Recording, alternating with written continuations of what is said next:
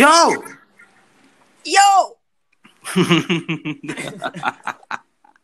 Halo semuanya, balik lagi di Side by Side Podcast bareng kita berdua host yang tidak pernah eh, bertemu. Emang setan lu emang. Jadwal padat, Pak. Iya iya iya. Paham paham Ma- gua. Paham Maksudnya banget. jadwal Bapak luar biasa loh dia di podcast mana-mana ada, di YouTube. YouTube siapa aja ada, luar biasa emang. Konten terus. Luar biasa emang. Ya, habis apa lagi yang dikerjain? Iya, iya. sekalian brainstorm ya karena mau world tour-nya eh world eh world tour ya? World tour nggak sih? Iya. Ke Medemena itu? Betul. Iya. Jadi eh brainstorm dulu nih siapa Yuda Braja Musti. Jadi Kok kenapa brainstorm sih? Hah? Kenapa brainstorm? Branding. eh, branding ya sama brainstorm juga kan? Beda ya? Brainstorm itu apa sih? Brain itu Brainstorm otak, tuh storm, kayak- storm itu petir. Iya.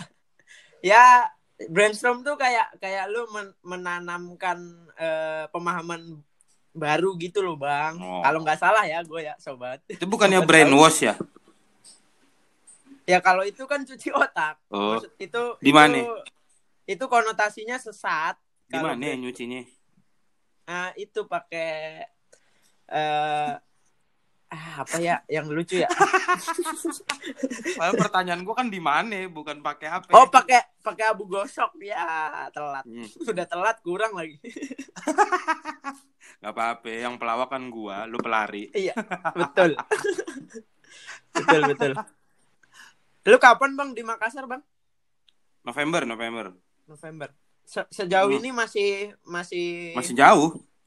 ya, Iya kan masih tiga bulan. Sejauh ini ya masih jauh. masih jauh banget.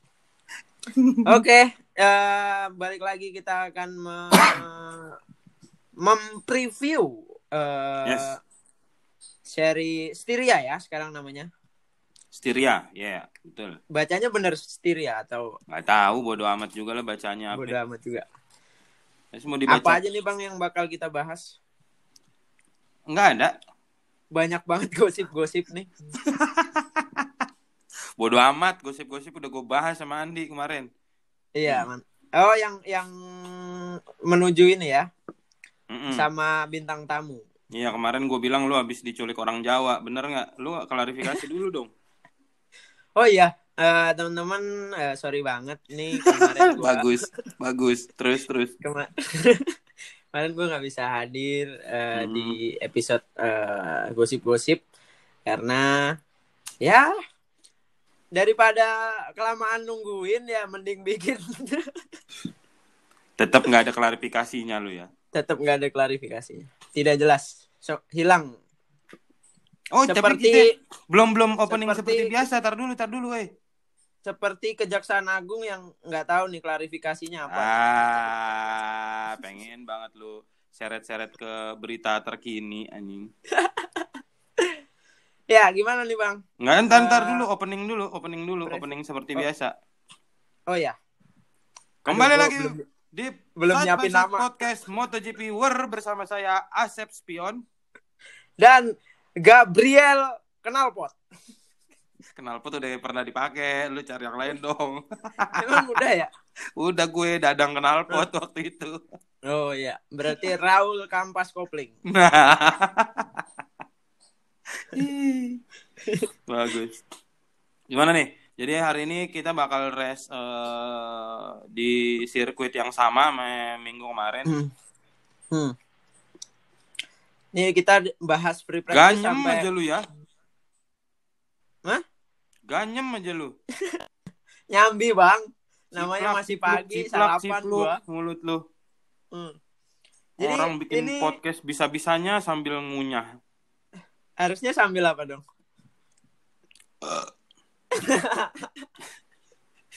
Punchline episode berapa ya? Pokoknya kalau dipancing tahak aja. Pancing, tahak. Yang ciri khas udah. Kita kita bahasnya dari free practice sampai pole position ya. Ayo sok silakan. Kalau dari lu Kemarin gimana? tuh kemarin tuh lu forwardin gua banyak ini ya. Ke ya emang sirkuit ini angker sih maksudnya udah diganti layoutnya eh layoutnya nggak diganti sih cuma di edit itunya ya apa namanya eh, pagar pembatasnya Mm-mm. Safety-nya dibikin lebih lagi daripada eh, minggu kemarin. Supaya nggak bablas kalau motor jatuh ya Betul. ditambahin eh, bantalan angin Hmm. sama ban tapi Nah, tetap tapi- aja ada ada yang jatuh kemarin tuh di Moto2 ya bang ya di Betul. eh, Alejandro Medina Nah itu kejadiannya persis mirip banget sama Bastian ini di minggu oh kemarin. iya titiknya sama ya Titiknya tik- sama, jatuhnya mirip, untungnya tapi si apa ya, kalau tim-tim di pinggir sirkuitnya tuh, Marshall nah Marshallnya tuh eh, cepet gitu untuk ngabarin bendera kuningnya. Hmm. Jadi pembalap jadi langsung ngerem di sebelum Hmm. tikungan eh masuk tikungan. Kalau kemarin kan pas race kan rada chaos ya, Hmm. maksudnya karena masih rapet-rapet. Hmm. Kalau ini Dan i- untungnya terhindarkan dari kecelakaan yang parah kayak Fatal. minggu kemarin. Iya betul. itu belakangnya Andi Farid ya, bukan sih Iya, eh enggak Somkiat, Somkiat Chandra. motornya sama tapi kan ya Sama, tapi nomornya beda. Hmm. orangnya yang naik juga beda Eh iya benar sih orangnya juga beda, betul juga lu emang. Pinter juga lu ya. Heeh. terus eh, ini tikungan pertama ya dia emang apa namanya eh apa sih namanya ya nimbul gitu loh tikungannya naik Iya. terus habis itu turun konturnya tuh tanjakan, belok, patah lagi tanjakan lagi, turunan habis itu. Kan tiap tiap habis apa ya habis start pasti ada yang startnya sampai keluar dari dari lintasan kemarin juga Iya, gitu selalu. Kemarin Selalu. juga di di free practice, di kualifikasi juga berapa pembalap begitu mulu. Bablas aja R1 tuh. terlalu patah terus Iya karena eh, gimana ya ngerem ngerem ngerem lagi ngebut terus ditanjakan gitu kayaknya kagok juga. Heeh. Jadi kayak eh, depan lu nggak kelihatan nih tikungannya semana Betul. Jadi Biasanya kan kalau misalnya kalau misalnya itu kan jalur-jalurnya mirip banget itu jalur puncak gitu tanjakan Iya. kita kudu ngerem Heeh. kurang tukang gemblong aja. bang gemblong Ah. ya eh, terus kemarin tuh yang eh, kabar ini sampai itu gimana bang lu nonton bang yang yang bener motornya sampai kayak eh, R King pakai stang jepit aja iya itu si Moto3. eh, Jaume siapa namanya? Haume Haume. Masia. Bet- Haume betul. Mas ya Iya dia dia nah itu yang akhirnya di, sempat diberhentiin kemarin kualifikasi Moto3 gara-gara ya olinya pada tumpeh. Mm-mm. Itu di R terakhir tuh, belokan terakhir. safety-nya dia dia juga ngapa tetap dipakai ini ya maksudnya kan jadi tumpahannya lebih luas gitu kalau di bawah iya, ma- itu. Harus makanya. muter mana Betul. yang ini Cuma emang lucu banget sih jadinya motor nggak nggak pakai fairing gitu dia sempat jalan satu lap gitu kan. anjir ko- komennya lucu-lucu tau Kenapa? Mo- Apa? kan ditanya kan ditanya motor jenis apaan nih aliran Hmm. herek itu eh, bahasa-bahasa ini orang drak-drakan gitu kan Iya iya. asal ini drag gitu. Tapi Karena ini dapat hukuman bang, Siapa? yang ini si Haumi Masianya dapat hukuman gara-gara Enggak. ini Eng- Enggak. Enggak kayaknya. karena membahayakan gitu. Eng- Enggak sih karena emang insiden aja kayak itu kan kemarin. Hmm. Jadi untuk yang moto tuh kita kita bahas nggak? Soalnya kemarin kita sempat dapat kabar si Andi Farid Gilang sempat masuk ke 15 besar ya. Nah, itu tuh yang yang menarik tuh. Kalau moto tuh sih gua mungkin nggak terlalu banyak bahas ya kayak kayaknya Hmm. emang eh, apa namanya ya sama gitu peluangnya terbuka untuk untuk untuk banyak pembalap. Semua gue sebenarnya tim eh, timnya si Andi Gilang ini emang me- mulai menemukan settingan nih. Apakah Hmm. eh, mulai apa ya ngerasa cocok nih sama sirkuit ini karena kemarin sih Hmm. di di free practice 1 Hmm. di hari Jumat si Ya. Andi Gilang itu beberapa kali mimpin mimpin apa namanya catatan waktunya. Hmm, jadi dia sempat uh, di pertama tapi kegeser kegeser gitu, tapi sempat sempat uh -uh. di depan-depan ya. Sempat beberapa kali malah dit. hmm. Jadi pertama pertama kegeser ketiga, nah sempat lama tuh di posisi tiga, ntar ke hmm. pertama lagi tiba-tiba lama-lama kegeser ke posisi 14 akhirnya yeah. di free practice satu uh, catatan waktunya ada di posisi 14 di free practice hmm. 2 catatan waktunya naik tapi posisinya dia turun ke 20 tapi hmm. kalau gua That... sih menurut gua masih oke okay ya. Untuk untuk untuk pembalap ta tanah air ya. Mm -mm. Semangat kemerdekaan juga nih kayak jangan-jangan. Ya betul karena kan eh tapi benar maksudnya minggu kemarin itu dia uh, tiga hari sebelum race ulang tahun, terus hmm. sehari setelah race uh, 17 Agustus. Iya. Tapi ternyata dia harus kena inilah kena basiannya si Bastian ini itu. Hmm, pasti ada pasti ada. Iya. Iya sayang banget kan maksud gue kayaknya hmm. di di minggu ini tuh sama dia kayak pengen dibayar aja ini hanya minggu hmm. lalu apesnya minggu lalu. Hmm, karena minggu lalu kayaknya kalau misalnya dia nggak uh, apa ya kecipratan insiden itu kayaknya bisa bisa hasil bagus ya. Oh ya feeling gue juga begitu. Melihat apa ya catatan waktu sama kayaknya emang nih motor cocok sama sirkuitnya mm -mm. Mm -mm. Coba nanti kita lihat aja di seri uh, Styria ini si Andi Farid Gilang bakal bisa dapat poin apa enggak nih? Ya karena kita kita karena... kita ininya gitu ya kalau kalau apa ya kalau di buat pembalap kita harapannya dapat poin atau enggak? iya, dapat poin. Bener, memang bener. Tapi realistis juga kita.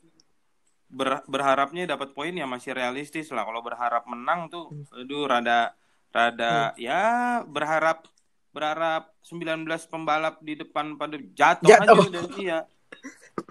Iya. Karena di minggu ini dia uh, berhasil start dari posisi dua-dua akhirnya. Itu start hmm. terbaiknya sepanjang musim ini. Sepanjang musim ya. 2020 ya. Betul. Jadi kalau ya kalau dua-dua kan cuma ada enam pembalap lah di depannya yang yang nah, uh, uh, bisa dilewatin lah. Yang bisa menurut gue iya kayaknya bisa dilewatin kalau ngelihat dari catatan waktunya hmm. juga nggak beda jauh. Gak beda. Apalagi ditambah kalau nanti bisa dapat start bagus ya. Jadi misalnya Betul. effort untuk ngelewatinnya tinggal sedikit lagi lah. Dan nggak ada insiden lagi nih. Hmm. Tapi Andi Farid tuh udah dapat poin belum sih bang? Belum. Belum. Musim ini belum. Pembalap Indonesia yang pernah mau turun di entah itu Moto2 kelas hmm? 250 cc kemarin mungkin juga Bang uh, Yuda udah bahas sama uh, Bang Andi. Mm -hmm. In, uh, yang paling banyak dapat poin siapa? Doni Tata. Satu doang itu. Baru ya? Doni Tata, ya. Dan satu poin doang satu itu ya. poin di 2008, satu poin di 2013. Dan itu di kelas 250 apa udah moto tuh ya? 250 dia? dan moto tuh. Oh, sama-sama dapat satu poin. Kemarin sama. juga sempat di review ya. Betul. Jadi mudah-mudahan lah eh, apa namanya eh, kabar-kabar eh, baik akan diberikan oleh Andi Farid Gilang karena hmm. melihat dari free practice dan kualifikasi eh, ada kemungkinan pembalap kita bisa eh, memberikan eh, kabar baik dengan poin pertama di kelas Moto2. Betul, amin. amin Oke, okay, mari kita lanjut ke kelas utama langsung. Kelas utama uh, ini menarik juga sih kelas utama nih uh, selalu bergeser dari free practice ke free practice nggak ada yang dominan siapa Tidak yang ada. paling depan siapa yang paling uh, ini selalu berganti hari demi hari. Nih kenapa jadi kayak lirik lagu lu? Nakagami tapi hitungannya dia ini anak kayaknya di masa depan bakal ngeri sih kalau misalnya dapet tim yang bagus. Bang gimana menurut lu bang? Maksudnya ini pembalap Asia nih harapan kita orang timur nih intinya adalah kalau kita lihat dari hasil kualifikasi kemarin hmm. Nakagami itu jadi satu-satunya pembalap Honda yang ada di 15 besar starter depan. Iya. Dari 15 Nakagami itu pembalap Honda satu-satunya yang ada. Dari 15 lu maksud gue, halo. Hmm? Halo. Gimana sih ini ini ini ini musim terburuknya Honda nih menurut gue ya. Uh -uh. Puik nih gimana nih Puik? Makanya ngapain sih dia? Jualan traktor kayaknya dia. Puik puik. Tipis-tipis aja lah orang masih pagi. Ah, yalah. kuik kuik. Kok traktor sih? Itu kuik. Tinggal dorong, itu bukan sih? Iya betul. Kuik kuik itu. Ah, anjing. Ya, gimana gimana, Bang? Jadi Ketawa, dia tapi salah... ternyata tidak nalar setan. Satu-satunya pembalap Honda yang ini, ya. Uh, yang ada di barisan 15 barisan depan. Bar, ya. Gak kayak Alex Marquez yang selalu akur sama Stephen Bradle. ya selalu nempel, maunya emang deketan aja emang. Eh deketan aja, hmm, deketan tapi... di depan kayak gitu ya. Mm -mm. Deketan dibuntut. Dibuntut. Nah, mm -mm. oh ini yang menarik dit. Jadi kemarin gue baca statement uh, dari salah satu legenda MotoGP juga, tapi gue lupa namanya. Gue lupa siapa ya? Mm -mm. Siapa ya? Apa apa apa? Apa uh, yang dia ngomongin dulu apa? Gue ya gue lupa dah siapa siapanya yang ngomong tapi salah satu legenda MotoGP juga dia. Hmm. Uh, dia dia pernah bilang dia pernah ngasih statement di tahun 2016 atau di 2018 gitu ya. Hmm. Jadi dia pernah ngasih statement uh, Honda tanpa Mark Marquez itu cuma setara sama Aprilia. Hmm. itu di 2016 2017. Eh terbukti di Ter, 2020. Terbukti di 2020 nih ya. Alex Marquez sekarang start 17. Cal Crutchlow hmm. 18. Aprilia, Bradley Smith sama Alex Espargaro di 1920. Hmm. Ya udah bener. sama, sama Aprilia gila. Sama kayak Aprilia ya. Iya. Apa ya dasar statement dia maksudnya kok sampai segitunya nih uh, apa sih Mark Marquez sehebat itu? Nah, atau... berarti beliau sudah merasakan yang uh, sering kita bicarakan dit kalau si hmm. Honda ini cuma fokus ke Mark Marquez se, se, hmm. se beberapa tahun ini ada ketimpangan ya. Uh, um, beliau juga merasakan itu dari tiga atau empat tahun lalu dan makanya bisa hmm. keluar hmm. statement kayak gitu dan emang terbukti. Hmm. Jorge Lorenzo gagal, Alex hmm. Marquez sekarang gagal. Jadi hmm. mau maunya gimana nih? Untung aja nih ada ada Nakagami nih pembalap hmm. pembalap Jepang nih yang yang Hmm.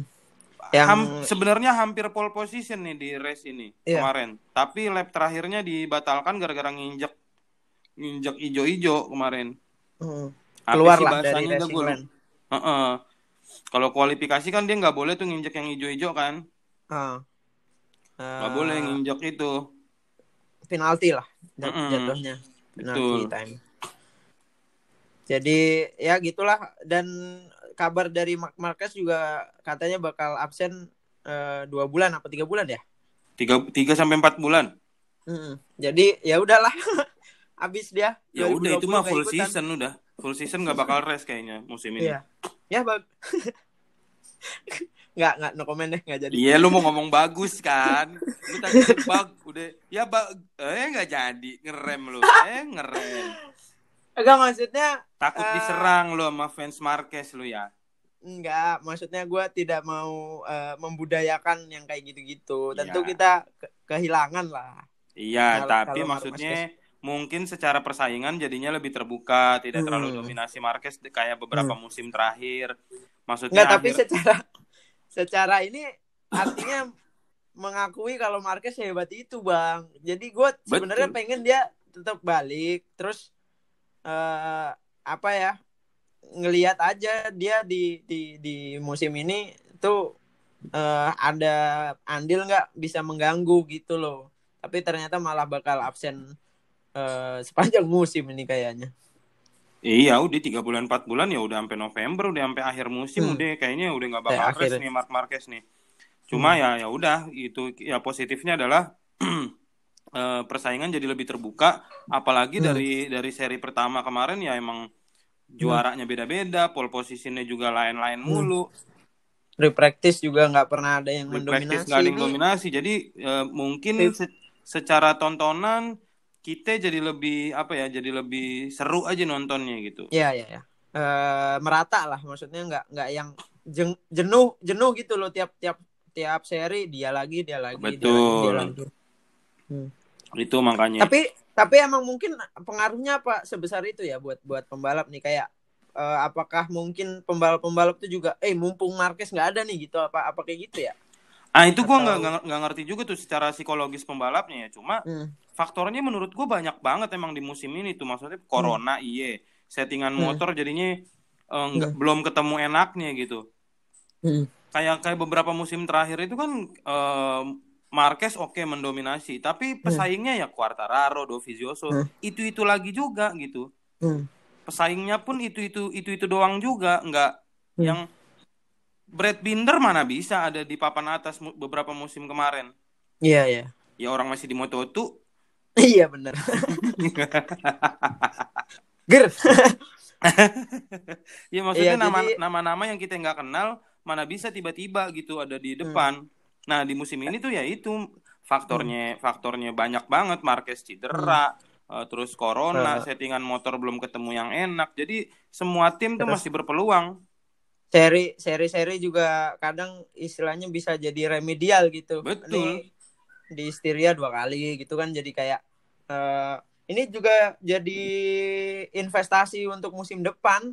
Benar. Karena karena jadi jadi punya pengalaman di salah satu sirkuit yang yang mungkin nanti jadi catatan buat para tim pedok untuk wah ini kemarin ada ada settingan begini-begini masalahnya begini-begini di Styria nanti di seri 2021 mungkin bisa jadi data untuk masukkan uh, mekanik-mekanik di pedok gitu ya.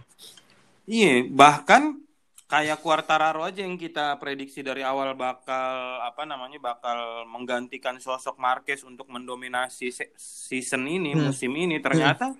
mana cuma di dua balapan pertama doang hmm. sisanya belentang belentung juga iya. bahkan di Dan seri Styria dia tapi tapi dia sendiri juga kesel sih bang gestur-gestur pas abis finish tuh kayak eh, nggak uh, bisa dibohongin gitu kayak dia uh, juga frustasi gitu ya makanya sama motornya gitu. Ya makanya mak maksud gue berarti memang di di season ini semua pembalap tuh memang berpeluang berpeluang siapa pun berpeluang untuk ada di posisi hmm. depan gitu. Iya iya. Iya dong.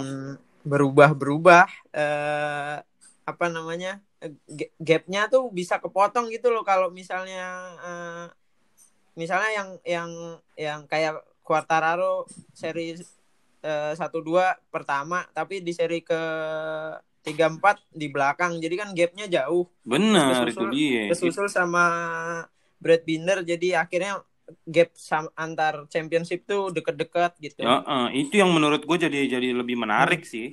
Hmm. bikin season jadi ini uh, makin menarik termasuk hmm. di seri Styria ini ternyata padahal kan udah udah race ya maksudnya minggu kemarin tuh udah race hmm. ya di, dari dilihat dari hasil kualifikasi aja maksudnya nggak nggak nggak tidak tergambar sama sekali dari race kemarin loh. Mm.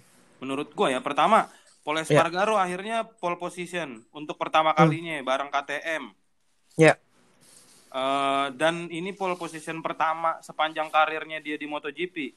Mm -mm. Di Paul Pas lah ya. Jadi pole positionnya siapa? Paul. ah, betul juga sih. Pole positionnya Paul Espargaro. Iya. Yeah. Terus di posisi dua ada Nakagami, satu-satunya hmm. Honda yang ada di 15 besar. Hmm. Di start uh, starting grid uh, eh, GP hmm. Styria ini. Posisi hmm. tiga ada Johan Zarco, walaupun dia harus start dari pit. Pit. Karena ngejar aneh hukuman. Ba aneh banget ya. Di, dinyatakan tidak fit, terus uh, keluar hukuman, habis itu dia balapan lagi, posisi tiga.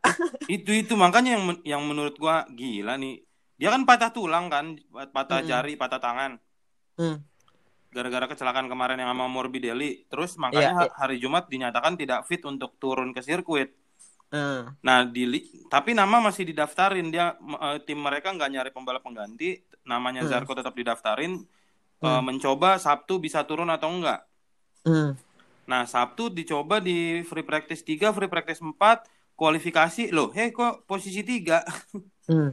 Gila maksud gue ini wah berarti aduh. jadi nanti uh, posisi uh, start line nomor tiga kosong tuh kosong karena Zarko harus dari pit berarti kayak Zuan Mir gitu Zuan Mir kan keempat dia nggak geser ke tempat ketiga gitu nggak nggak nggak tetap ih Ngapain ikut kosong aja. kualifikasi ya? Iya. Iya untuk ini aja. Memenuhi Gimik. prosedur, Gimik lagi. menjalankan prosedur aja. Hmm. Tapi ini yang menarik adalah Andrea Dovizioso ya kalau ngomongin kita udah lengkap ke kualifikasi. Dovizioso yang memenangi seri kemarin justru harus start dari posisi 9. Betul. Dan tim pabrikan yang ada di depan tuh cuma Maverick Vinales sama Alex Rins ya. Nah, itu juga yang menarik maksud gua, Dit. Pas race Hmm. kemarin itu kan Vinales mentalnya kena, mentalnya down, Hmm. makanya sampai ya sempat ke belakang-belakang walaupun finish di eh, eh, papan tengah gitu ya. Iya, iya, iya. Cuma si Rossi itu kan kemarin berhasil finish ke posisi di posisi 5. Iya, posisi lima. Tapi dilihat dari kualifikasi justru sekarang Vinales yang ada di depan. Rossi cuma start Hmm. dari posisi 15. Vinales Parah. di posisi 6.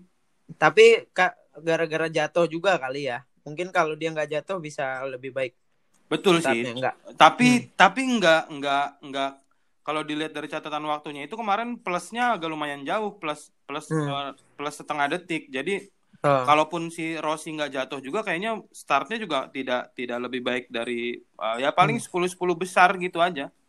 nggak masuk Q2 lah ya. Ma- masuk sih tapi maksudnya nggak nggak sampai ke posisi-posisi depan gitu kalau ngelihat Oh, gap gap iya, iya. waktunya. Hmm. Nah itu yang yang yang menarik juga. Jadi emang emang gokil sih ini nih se- season ini nih. Quartararo Morbidelli start posisi Iya. 10 11 gitu kayak. Hmm. Nah, bahkan kemarin yang yang yang lebih menarik lagi adalah si Hmm.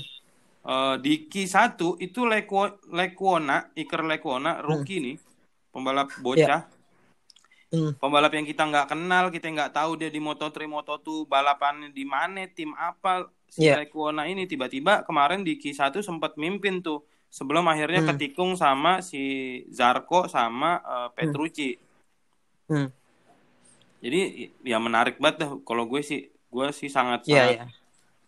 Ah, sangat excited ya tiap tiap race MotoGP di season ini tuh gue sangat Hmm. excited gitu. Brad Binder start cuma dari posisi 14 jadi ya ya Hmm. Ya pembalap pembalap dan tim kayak dituntut adaptasi terus gitu. Jadi Betul. kayak eh, semuanya semuanya eh, berlomba-lomba buat buat eh, apa ya? Mungkin ka- kalau di suasana pedok nih suasana di pedok, suasana di kota. Ah, nggak. Udah, udah, udah. Jangan dipaksa. dipaksa. Udah, udah. Gak apa-apa. Pes kita serius gak apa-apa, gak apa-apa hari ini. Iya dipaksa. jadi suasana pedok tuh mungkin juga kayak eh, melihat melihat data-data kayak gini tuh juga semangat gitu jadinya nggak nggak yang kalau eh, orang lagi orang kalau kerja keras terus terus ternyata kenyataannya eh, Repsol Honda lagi Repsol Honda lagi kadang-kadang mungkin secara psikologis juga mempengaruhi ya tapi ini Iya, ngelihat betul. ngelihat eh, ngelihat setiap seri setiap free practice kayak loh kok beda lagi wah berarti kita masih punya kemungkinan nih tinggal kita cari settingannya gimana gitu Bener. jadi jadi eh, apa ya gairah lombanya semangat eh, tim pedoknya tuh jadi jadi makin ke support kalau kayak gini Setuju. ceritanya Secara psikologis ya maksudnya kalau gue emang jadi Hmm. pembalap atau gue jadi Hmm. eh, terlibat ada di tim-tim Hmm. balap di di MotoGP Hmm. jadinya juga memang eh ayo ayo kita bisa tahu kita bisa ini Hmm. karena nggak Hmm. Honda Repsol Honda lagi nih. Iya se Aprilia Aprilia se iya se Aprilia Aprilianya aja pasti gua merasa optimis kita bisa ini mah gitu Hmm. Apalagi kayak kejadian kayak Brad Binder kemarin kan jadi kayak bikin lah Brad Binder aja bisa, maksudnya kita enggak nih. Gitu. makanya Jadi eh ya mudah-mudahan sih eh, nggak cuma di 2020 aja ya, musim-musim depan juga juga Hmm. bisa seseru ini jadi. iya Hmm, bisa seseru ini karena karena ya ya kita kita butuh butuh yang seperti ini sebagai penikmat MotoGP gitu. betul Jadi, betul secara tontonan ya secara hmm, tontonan secara tontonan. Hmm. karena satu dari dari dari nonton juga seru dari serinya juga kadang-kadang jadi eh, nggak mau ngelewatin gitu karena ini ntar siapa lagi nih di seri seri ini gitu nggak nggak nggak yang besok kayak kemarin-kemarin kan kayak ya udahlah paling Marquez lagi Mm-mm, iya yang kedua ke- yang kedua ketiganya lupa kemarin tuh siapa siapa aja yang Iya betul. dua, tiga. Walaupun walaupun di pas kita nonton tuh kita jadinya nungguin siapa nih yang bisa nyaingin Marquez aja udah. Tapi kita Hmm, tahu juaranya Marquez. Iya iya iya. Siapa nih Gitu. yang bisa menumbangkan dominasi gitu ya? Mm-mm. Atau siapa yang bisa Hmm. it- itulah ngintilin si Marquez ini. Iya iya iya. Itu kalau di season-season sebelumnya. Nah, makanya nih Hmm. di seri ini, seri GP Styria ini di sirkuit, gue sih berharap nggak ada insiden yang fatal, terlalu fatal Iya, iya. kayak kemarin ya. Mudah-mudahan Ini sih. gua Maksudnya berharap- eh, kemarin juga kayak de- dari Rossi juga udah istilahnya tambah tambah tua juga nasehatnya makin inilah. Maksudnya Iya, kita tahu lah di sini emang. ya di sini kita tahu lah maksudnya kita pengen menekan eh, 100% gitu tapi di di di di di atas itu semua tetap harus dikendalikan karena kita harus respect sama pembalap-pembalap lain gitu. Betul. Karena akhirnya ya ya seperti dugaan lu kemarin kan eh kan lu pas waktu kejadian si Zarko sama Morbidelli kan lu yang langsung anjing nih Zarko gitu kan. iya, memang sebel banget gue emang. Ya, jadi jadi dia eh, sama Rossi juga sama sih statementnya. Maksudnya dia lebih kayak me, eh, statementnya tuh mengarah ke Zarko yang yang yang kayak dinasehatin banget gitu. Mhm. Karena dia memang kalau di kemarin gue nyari-nyari juga sih di YouTube gitu pembahasan soal soal tabrakan itu dan dari eh, ini apa ya dari konspirasinya gitu memang Zarko ini coba buat nutup gitu. Eh, Zarko itu yang di depan kan ya? Iya, dia yang ngambil, ngambil, ngambil Hmm. racing line-nya si Morbidelli Iya, di jadi depan. dia kayak kayak nutup gitu terus eh tiba-tiba deselerasinya eh, mendadak gitu. Ya, Nah, betul. jadi kan tik- itu posisi tikungan eh, apa namanya? lurusan eh, turunan Mm-mm. terus eh, lagi Nikung lagi ke kiri. ini Persiapan throttle mau, gitu. Mm. La- Lagi full throttle jadi Full ya, throttle, ya persiapan gimana? mau stop and go ke kanan. Mm-mm. Jadi jadi akhirnya ya ketutup lah siapa yang nggak kaget orang lagi geber ditutup Betul. racing lane terus eh, ngerem. Jadi ya udah nubruk gitulah eh, analisa analisanya. Jadi eh, jadi pelajaran aja sih. Coba itu kalau kemarin ya Allah kalau kena semuanya gitu. Zarko apa nggak dihujat seluruh MotoGP itu? Makanya, nggak usah kena semuanya, kena Rossi aja dikit tuh. Menurut gua abis tuh karirnya Zarko, kena kayaknya di mental illness pasti diserang banyak fansnya Rossi soalnya. Iya. Nah, langsung jual akun Instagram ntar. Makanya udah bertani kayaknya Zarko bertani langsung deh. Nah, Kirain itu- jadi pesulap. Iya, Denny Darko udah. udah, udah. Udah, udah. Udah sering saya denger tuh si Helmi ngomongnya. Saya Denny Darko tetangganya Johan Zarko, udah, udah. Dia produksi susu Denko kayaknya. Hah, kok? Ya, Johan Sarko susunya Denko gitu. Ya, kurang. Lanjut, Bang. Gak apa-apa. nggak. Lu pelari, pokoknya lu pelari. Nah, benar benar. Kalau misalnya punchline gak kenal lu lari aja lucu jadinya. gitu dah. Ya, berarti kita simpulkan untuk ah, ini Bang, lu dulu, Bang. Kenapa? Oh, prediksi Prediksi, Bang. prediksi si ah, di seri ini ya. Kalau seri ini nggak tahu nih. Gue Eh, biar dar- biar beda-bedain tipis aja. Darah-darah curang lu emang lu. Eh, darah-darah cenayang gua nih soalnya.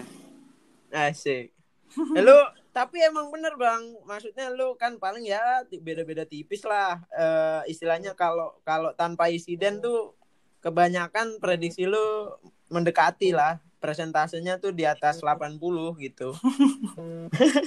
Iya kan kayak kemarin hampir loh persis kemarin si ini Paul kalau nggak jatuh sama si Jack Miller di tikungan terakhir. Betul. Apes karena emang bannya udah habis. Mm-mm. Habis kemakan zaman emang. Iya. Yuk. Kalau prediksi gua ya, prediksi gua, gua sih berharap gua gua gua nggak tahu juga nih maksudnya sih. Kita prediksinya kayak kemarin aja bang. Jadi Iya, kayak iya. siapa yang bakal ada di podium. Ya, maksudnya gua gua gua gua agak 50-50 juga nih karena maksudnya Paul Espargaro kena apes lagi nah, nih. Nah, Kayaknya iya, iya, emang iya. emang dia kan dua race udah apes nih. Hmm. Jatuhnya bukan jatuh gara-gara dia gitu, gara-gara orang Hmm. lu. Hmm. Nah makanya gue nggak tahu nih di race ini mudah-mudahan dia nggak apes, Hmm. mudah-mudahan ya. Dan tidak ada insiden yang bikin red flag eh, dan eh, start ulang. Merubah tempo ya. Eh, eh, merubah tempo itu sangat-sangat Hmm. merubah tempo. Walaupun memang Hmm. secara tontonan lebih seru, tapi gua agak agak ini juga gitu sama psikologis pembalap ya. Mudah-mudahan sih ini Hmm. race-nya lancar aja walaupun Hmm. ada insiden tidak tidak terlalu fatal. Jadi kalau prediksi gua yang akan ada di pe- di podium, yang akan ada di yodium, ya Ya. garam kali ya. Yang ada di podium adalah Paul Espargaro, Jack Miller, sama Nakagami. Jack Miller ya, masih dia Paul akan akan Espargaro, Jack Miller, sama Nakagami. Itu gue. Oke, Nakagami akan jadi pembalap Honda dan Asia pertama yang dapat podium di Di season ini. Season ini. Hmm. Prediksi dari Bang Yuda. Eh, Kalau kalau gue eh, Paul Espargaro juga Hmm? untuk untuk yang pertama ini bukan nyamain ya karena kayaknya dari dari segi empati dan simpati gua ini pembalap harusnya udah dapat gitu apa kerja kerasnya gitu Hmm. daripada apes-apes lagi eh Paul Espargaro gua harapkan akan ada di podium Betul. Eh, kemudian Jack Miller sama Alec Rins Oh, kalau lu Alec Rins. Oke, Hmm. kita lihat prediksi kita apakah eh Alex Rins atau Dovizioso nggak ada ya nggak boleh nggak boleh Yup. ya udah ya nggak apa-apa juga. Hmm. Dovizioso tapi dari posisi 9 ya masih make sense sih, masih oke lah. Hmm. Masih bisa merangsek pelan-pelan satu pembalap, Ya. satu pembalap gitu. Karena Alec, Alec Rins kemarin juga kalau nggak jatuh dia mungkin akan ada di podium Betul. karena Oke. downside aja. Oke. Kita nantikan balapan pada Eh. hari ini. Selamat eh, berakhir pekan teman-teman yang mendengarkan. Selamat menonton race MotoGP dari GP Styria pada malam Hmm. hari ini. Pokoknya selamat happy-happy lah. Dan jangan lupa share-share kalau sudah mendengarkan kita berdua. Betul sekali. Sampai ketemu lagi di episode selanjutnya, episode berikutnya yang kita sudah pasti akan mereview apa race yang, Yang terjadi, terjadi. di malam hari ini. Sampai Eh, ketemu pokoknya di episode jangan selanjutnya. ke mana-mana. Tetap di Side by Side Podcast MotoGP World bersama saya. Dan saya Oke, terima kasih teman-teman yang sudah mendengarkan. Dadah.